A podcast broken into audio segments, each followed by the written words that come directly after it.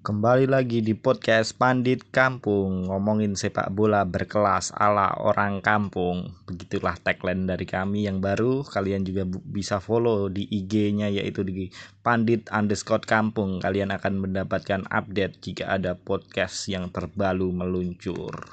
Kembalinya denyut nadi persepak bolaan dunia. Itulah tajuk podcast dari Pandit Kampung episode ke-6 Oke, setelah kita semua di dunia ini dikarantina akibat pandemi yang besar ini, akhirnya persepak bolaan di dunia kembali menunjukkan tanda-tanda kehidupan. Dan sudah ada tanda-tanda kehidupan itu dimulai dari Liga Korea yang minggu lalu sudah memulai liganya dan minggu ini akhir pekan lalu tepatnya yaitu Liga Jerman sudah memulai liganya atau pertandingan melanjutkan pertandingan liganya di Bundesliga Jerman.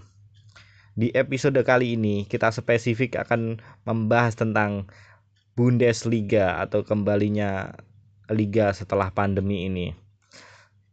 Langsung saja yaitu yang akan kita bahas yaitu pertandingan yang saya tonton di akhir pekan kemarin. Alhamdulillah setelah dua bulan atau bahkan lebih kita tidak menyaksikan pertandingan sepak bola yang berkelas khususnya yang dari daratan Eropa di maupun liga lokal. Kita dan yang familiar di orang dunia di belahan dunia mana pun akhirnya Bundesliga bisa kita saksikan. Akhir pekan lalu tepatnya hari Sabtu dan Minggu tanggal berapa ya? Tanggal 17 dan 16 16 17 Bundesliga kembali di Speltak ke-26 yaitu atau pertandingan ke-26 dari Liga Jerman dari musim 2019-2020 sebagai info aja di tengah pandemi ini buat teman-teman pecinta sepak bola di seluruh dunia dan pendengar semuanya bahwa Liga Jerman ini saya saya kebetulan akhirnya akhir pekan ini ada hiburan yaitu kita menonton Liga Jerman. Kalian bisa nontonnya di kalau saya sih akhir pekan kemarin di Mola TV kalian bisa kalau belum download bisa download di Mola TV atau ya kalau yang udah berlangganan itu lebih baik udah beli Mola TV dari awal Liga Inggris. Tapi kalau belum bisa di ponsel mobile kalian bisa mendownload aplikasi Mola TV dan di situ ada berlangganan cukup dengan minimal sepuluh ribu rupiah saja bisa menonton Liga Jerman sampai sebulan ke depan. Kebetulan saya juga cuma beli yang katanya sih di Mola TV itu donasi. Saya tidak membacanya lebih lanjut untuk katanya kan suruh kalau menonton harus berlangganan dan berlangganan itu bisa berdonasi yaitu paling dari 10.000 sampai berapa ratus ribu gitu berlaku sampai tanggal 15 Juni berarti sebulan ke depan. Kebetulan saya juga sempat saya uninstall juga aplikasi Mola saya di ponsel saya atau di smartphone saya sehingga saya kemarin harus kembali install dari App Store atau Google Store-nya dan cukup login dengan akun yang lama saya dan tinggal berlangganan ribu rupiah itu paling minimal paling sedikit. Saya juga memilih cuma paling sedikit yaitu ribu rupiah. Nggak tahu bedanya apa dari ribu, ribu, 100 ribu dan seterusnya itu bedanya apa saya nggak tahu. Saya tidak membacanya lebih lanjut. Intinya tinggal membayar ribu rupiah ini bisa dibayar lewat banyak sekali platform-platformnya ya yang ada dari bank ke m banking mobile bankingnya atau ke ATM langsungnya atau dari pembayaran dari aplikasi yang biasanya buat itulah. Unicorn unicorn itu Ovi lah. Kan nggak boleh nyebut merek bisa Ovi bisa Gopi bisa nggak? Nggak bisa kayaknya. Seingat saya kemarin bisanya lewat Ovi tapi saya memilihnya yang simple aja. Kebetulan kan ada m banking jadi saya pakai m banking saja. Kalau mungkin ya nggak ada ATM dan buat teman-teman semua yang di daerah mungkin eh nggak ada m banking bisa ke ATM aja. Tapi ya perlu effort dikit sih. Nggak apa-apa lah buat bisa menonton pertandingan Bundesliga. Kita bisa menontonnya secara gratis cukup dengan koneksi internet yang stabil saja Minggu ini terjadi pertandingan-pertandingan sangat seru. Salah satunya yaitu pertandingan derby apa itu derby Dortmund melawan Schalke 04 itu pertandingan yang saya tonton di hari Sabtu tanggal 16 16 Mei 2020 benar ini saya sambil ngelihat webnya dari Bundesliga soalnya buat update nya saya kan juga kadang-kadang lupa. Ini kita lihat update nya dimulai dari pertandingannya dimulai dari hari Sabtu kemarin.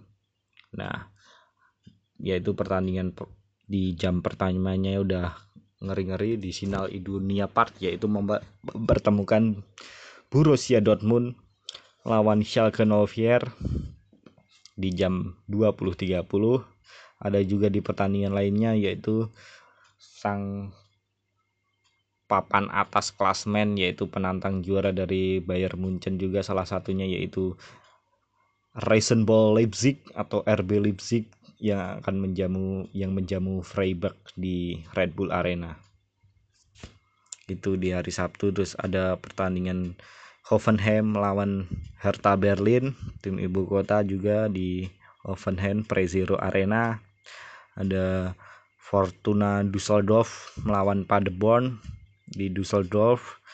Terus ada juga Augsburg lawan VfW Wolfsburg di WWK Arena, WW Arena, WWK Arena.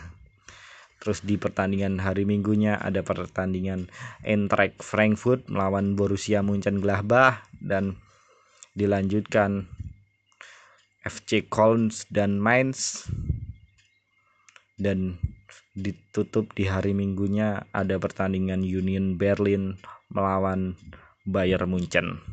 Oh, tapi di Senin pagi Senin di dini hari masih ada yang tagnya ini kebetulan Senin setelah saya nonton pertandingan Union Berlin dan Bayern Munchen itu jadi Senin di hari Senin masih ada tanggal 19 Mei 2020 dini hari jam setengah dua pagi masih ada pertandingan antara Werder Bremen melawan Bayer Leverkusen.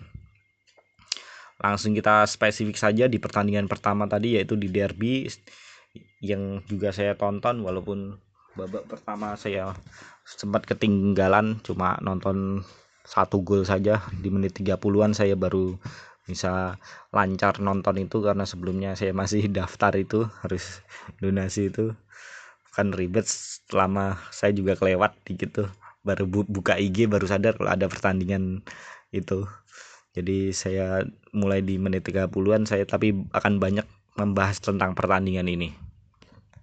Pertandingan derby antara Borussia Dortmund melawan Salke 04 atau Salke 04. Oke, di pertandingan ini skornya cukup mengejutkan 4-0 dimenangkan oleh tuan rumah Borussia Dortmund Wow, ini tentunya skor yang di luar dugaan karena biasanya partai ini partai ini biasanya partai Debi yaitu cepat, keras dan biasanya kejar-kejaran gol tapi karena pandemi ini dengan pemakluman-pemakluman yang ada. Jadi pertandingan ini sangat telak dimenangkan oleh Borussia Dortmund. Langsung saja kita membahas ke permainan yang selama saya lihat aja sih Borussia Dortmund tampak sangat dominan di lini tengah dan depan. Apalagi lini belakangnya juga solid. Depannya tuh si Erling Haaland itu tampak dia menjadi pusat permainan di sektor depan. Jadi kalau dia sangat mengganggu lini belakang dari Schalke 04 itu sangat merepotkan sekali lah seorang Erling Haaland itu dengan badannya segede gaban dan segede itu tinggi dia dan kuat. Cenderung fisikal sih mainnya in, mengingatkan dulu waktu Lewandowski awal-awal di Dortmund memang mainnya lebih fisikal kayak Erling Haaland sekarang ini. Tapi seiring berjalannya waktu pasti Erling Haaland ya bisa berubah lah gaya permainannya supaya lebih ke taktikal dan lebih mainnya lebih dinamis intinya lah. Tidak terlalu mengandalkan fisikal aja. Karena dia menurut saya sih udah mempunyai gelar insting yang sangat luar biasa so, sebagai pemain yang berusia berapa ya? Usianya 20 tahun atau berapa? Bisa dikoleksi. 21 ternyata. Eh 20 deh benar dia lahir tahun 2000 20 tahun untuk bocah berusia 20 tahun luar biasa. Dia kan langsung membuka keunggulan dengan serangan dari sisi kiri. Kalau dia dilihat dari Hari itu serangan dari sisi kiri kiri pertahanan dari Schalke 04 dia mendapat umpan dari kembarannya Eden Hazard atau adiknya Eden Hazard yaitu Torgan Hazard. Dia langsung di depan kotak penalti langsung menyambar bola itu. Bola datar itu menyonteknya dengan kaki kirinya dan kiper tidak mampu berbuat banyak dan bolanya masuk dengan gol pertama dari Erling Haaland ini luar biasa ini adalah gol ke-10 dari Halan selama dia membela Dortmund. Semenjak dia datang ke Dortmund dia itu tidak ada yang bisa ngalahin dia soal rekor gol. Hanya mungkin Lewandowski mencetak 6 gol dan ada pemain lain juga kemarin tuh yang saya baca-baca. Dia udah 10 gol Lewandowski 6 gol semenjak Erling Haaland ini datang ke Borussia Dortmund ke Liga Jerman dia mentas di Liga Jerman. Luar biasa sekali. Secara permainan memang tidak ekspektasi kita kita tidak bisa ya dengan kondisi sekarang fisik pun pemain belum jadi strengthnya apa level fitnessnya belum jadi kan kita tidak bisa banyak menuntut jadi permainannya ya kalau menit-menit akhir banyak yang jalan kayak pemain Indonesia ya diwajarkan tapi secara teknik luar biasa sih. Menurut saya Dortmund sih udah baik sih. Kelihatan dia udah latihan mungkin cuma seling main rondo. Jadi yang penting itu posisinya jalan dan permainannya jalan dari lini ke lini gitu. Jadi sering latihan kucing-kucingan atau rondo itulah. Itu terlihat lebih Dortmund lebih unggul dari Schalke. Schalke memang bisa menguasai pertandingan khususnya di awal babak kedua itu. Mereka mereka kan udah ketinggalan dua gol.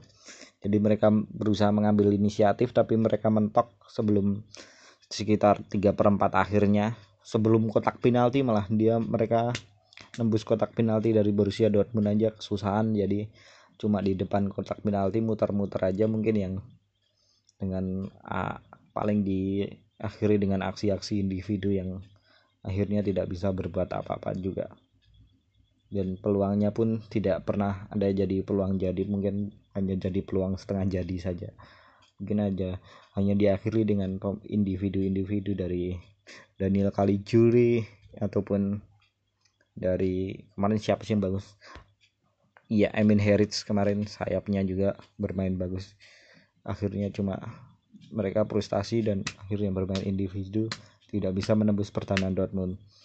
Sebaiknya Dortmund ini bermain sangat rapi, bukan ra ya termasuk rapi lah mereka walaupun sabar lah walaupun si Schalke ini mengambil inisiatif tapi mereka menutupnya dengan baik. Terus mereka hanya dengan counter attack yang menghasilkan gol ke tiga dan gol keempat itu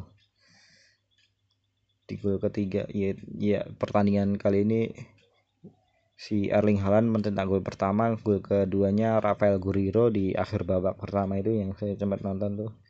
Udah mau berakhir tapi Rafael Guerrero kembali mencetak gol. Luar biasa Rafael Guerrero ini. Dia ini kalau dilihat tuh Dortmund pakainya 3-4-3 dia itu posisinya wingback.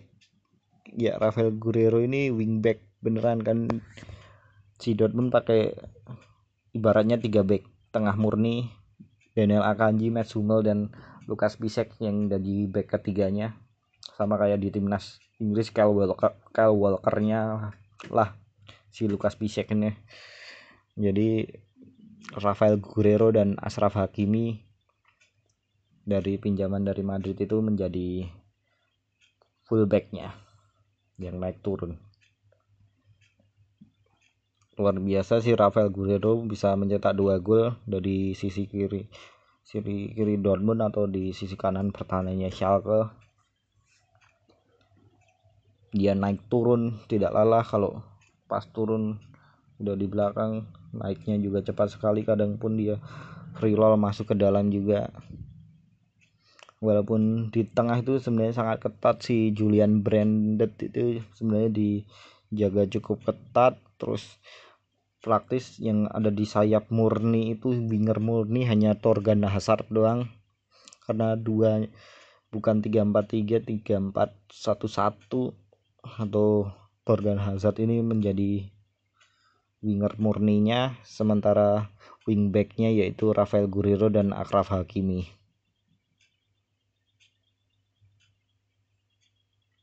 Oh sorry, Rafael Guerrero dan Akraf Hakimi ya wingbacknya. Terus Torgan Hazard hanya sebagai wingernya yaitu penyuplai dari Erlin Haaland. Erlin Braut Haaland. Sementara Julian Brandt jadi nomor 10 nya walaupun banyak di marking dia di lini tengah karena permainan di tengah cukup ketat. Dia di marking. Si Erling Braut ini di marking dan ibaratnya mereka si Dortmund ini pakai dua DM yaitu Delani dan Dahud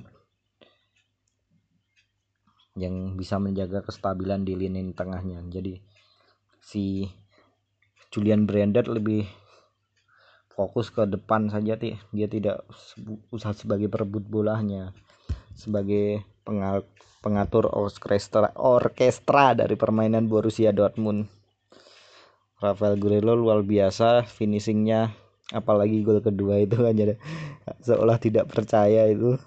Dia pak dapat umpan terobosan dari Erling Haaland langsung dia finishing di sudut sempit dengan kaki kirinya.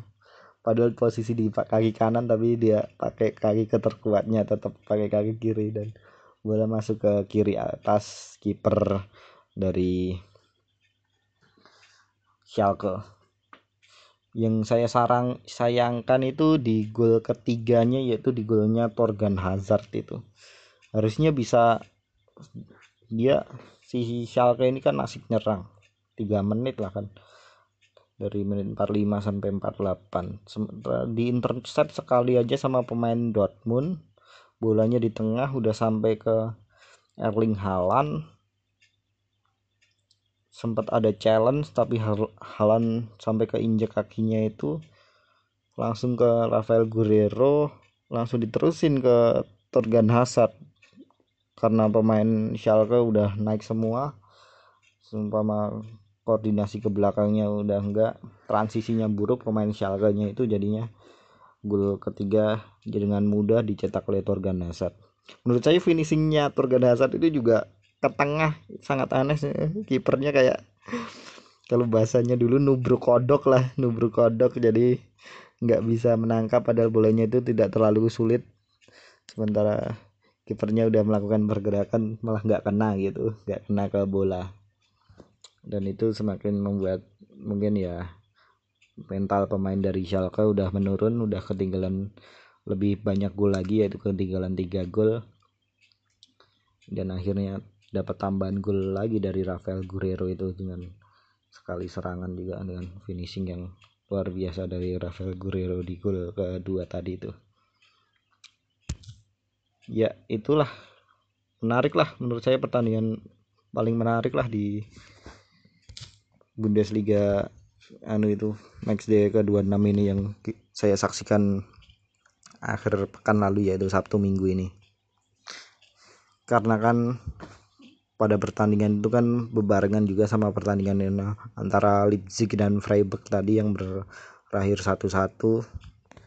Saya switch ke Leipzig sama Leipzig ini udah menit ke 87-an. Satu-satu kan saya dapat update-nya kan 01 sempat si Freiburg ini malah unggul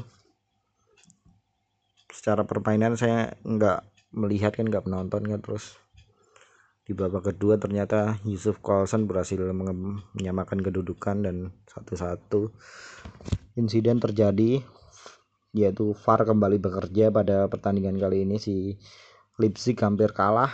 Di menit ke injury time 90-an ada tambahan waktu 5 menit.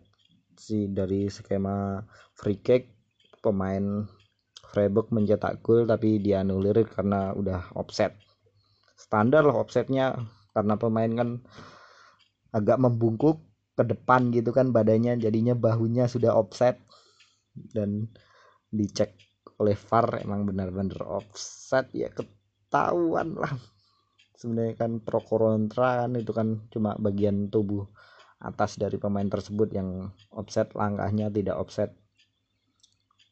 Tapi udah tidak banyak perdebatan lagi emang begitulah guna dari VAR penggunaan teknologi yaitu begitu.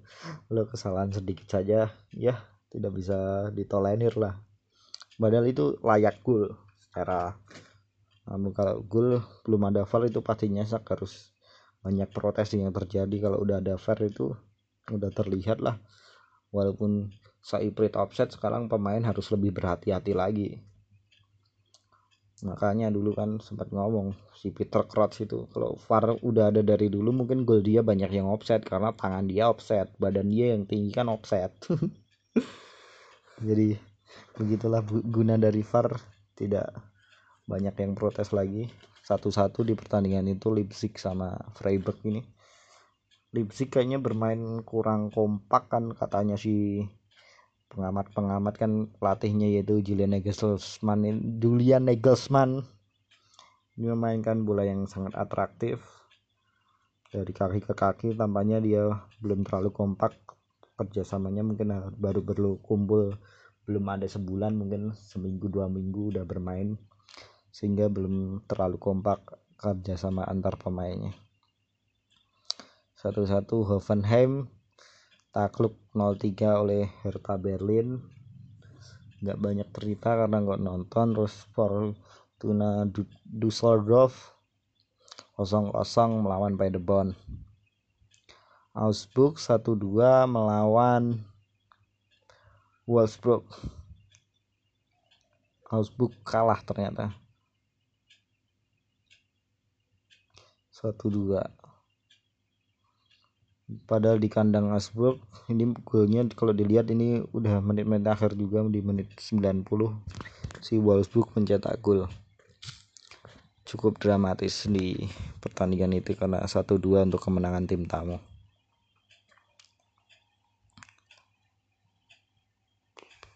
Oke langsung ke pertandingan selanjutnya. Oh ini saya tonton juga sekilas nih yang pertandingan jam keduanya di hari Sabtu yaitu Eintracht Frankfurt lawan Borussia Mönchengladbach.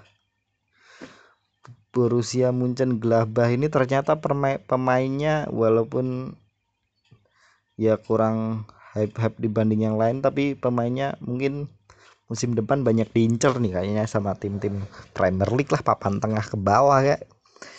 Padahal pemainnya ada yang dikenal sih ada yang udah banyak dikenal juga tapi kebanyakan belum juga dikenal. Soalnya baru satu menit aja udah ngegolin kemarin saya itu nonton. Itu 10 menit pertama udah dapat dua gol udah unggul dua gol. Saya nontonnya juga cuma babak pertama pas 02 itu doang.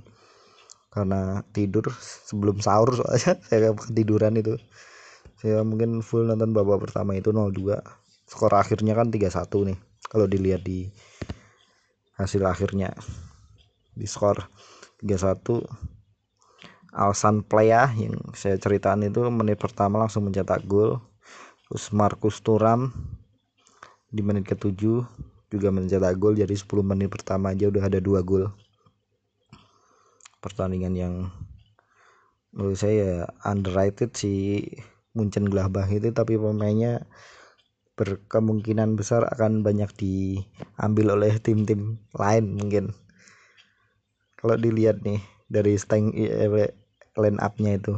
Playa di lini tengahnya. Al Alsan Playa ini terus Markus Turam kan yang minta di gol Alsan Playa sama Markus Turam terus Brace Embolo Brace Embolo kan kuat banget nih.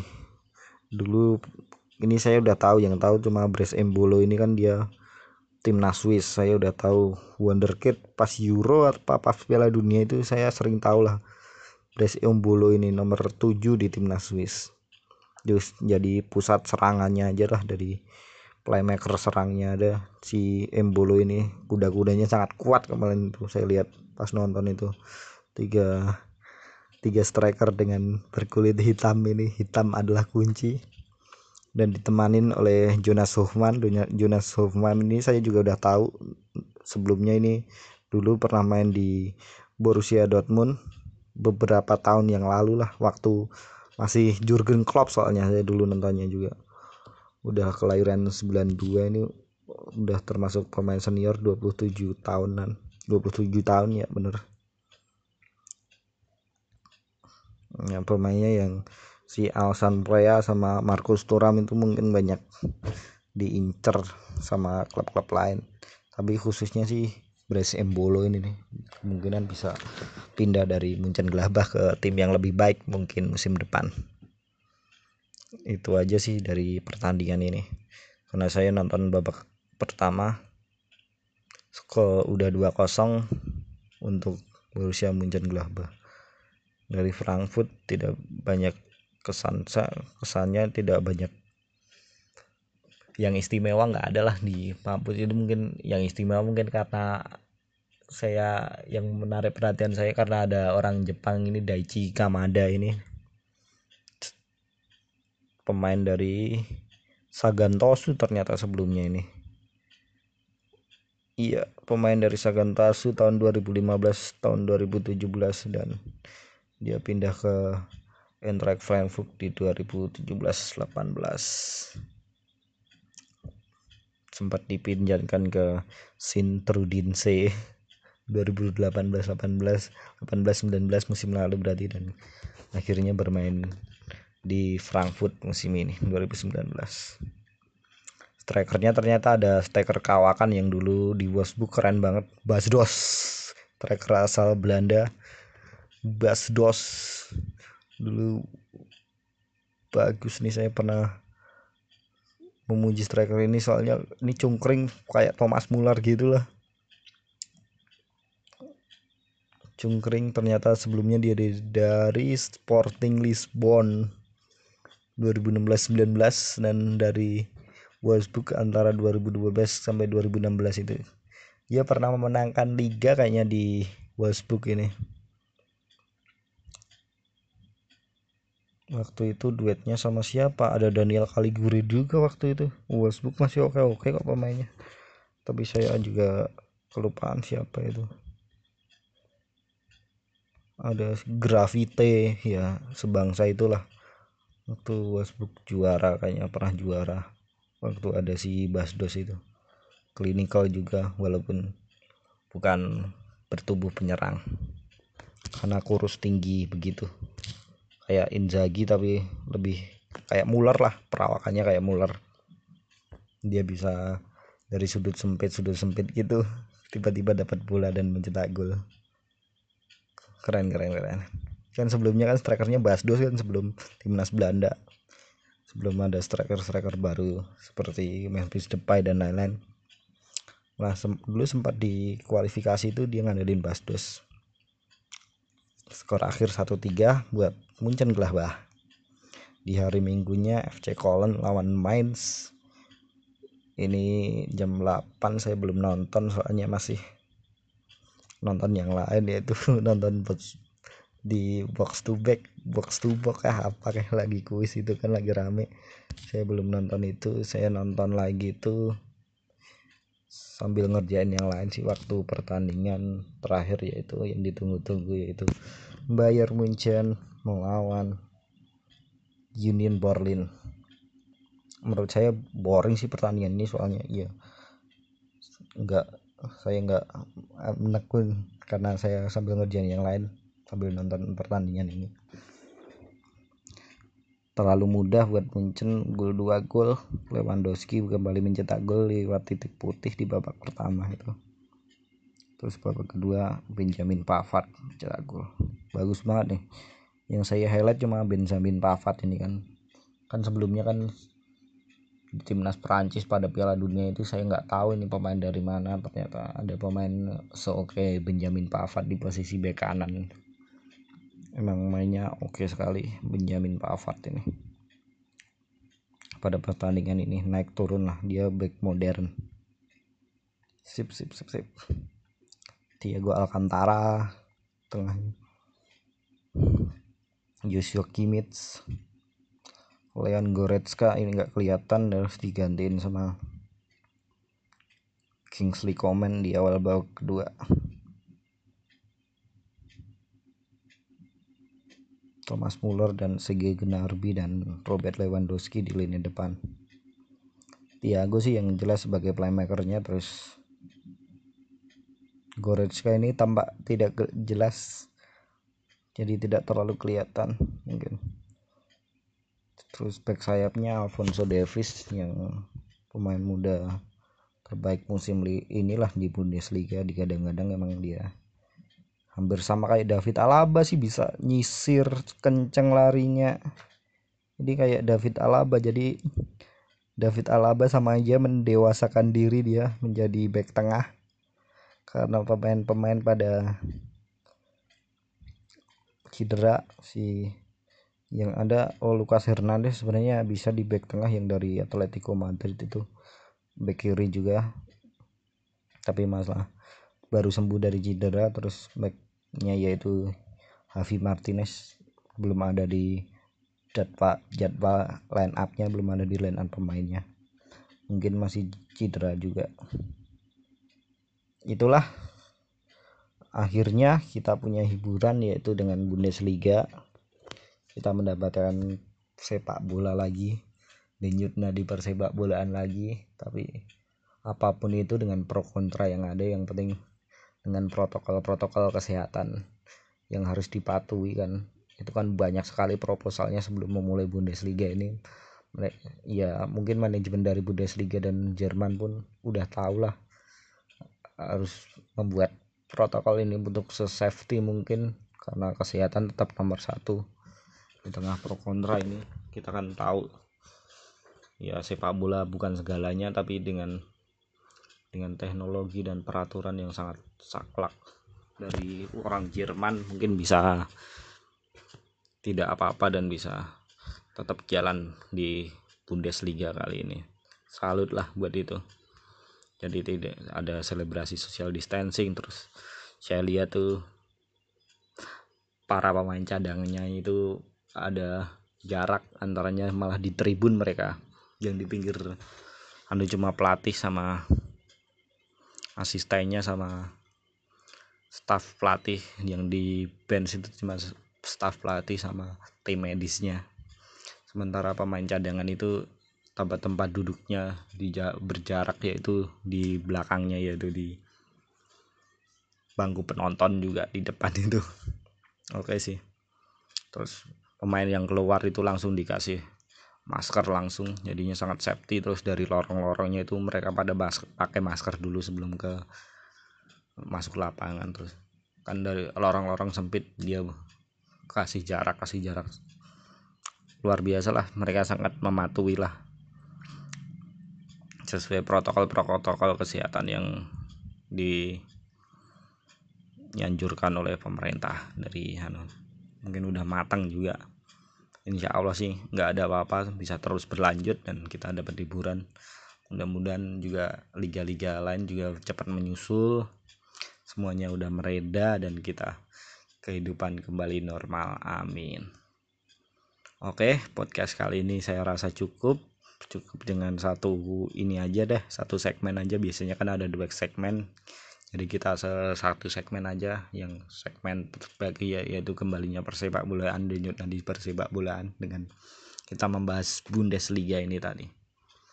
Oke terima kasih. Selamat berpuasa. Kan udah mau lebaran minal faizin mohon maaf lahir batin. Tetap jaga protokol kesehatan nggak keluar luar soalnya banyak sekarang jalan jadi makin ramai lebaran ada yang beli baju kan di daerah-daerah itu di Palembang itu antri baju lama banget. Aneh dah. Indonesia terserah kalau kata di dokter tapi kita sebagai saling ingetin aja deh ingetin diri sendiri. Kalau bisa yang ingetin teman-temannya buat yang baik-baik gitu loh tentang bahaya-bahaya dari anu ini. Tapi mudah-mudahan lah. Udah kita udah stres dengan keadaan sekarang ini. Semoga cepat membaik semuanya. Terima kasih dan sampai jumpa episode berikutnya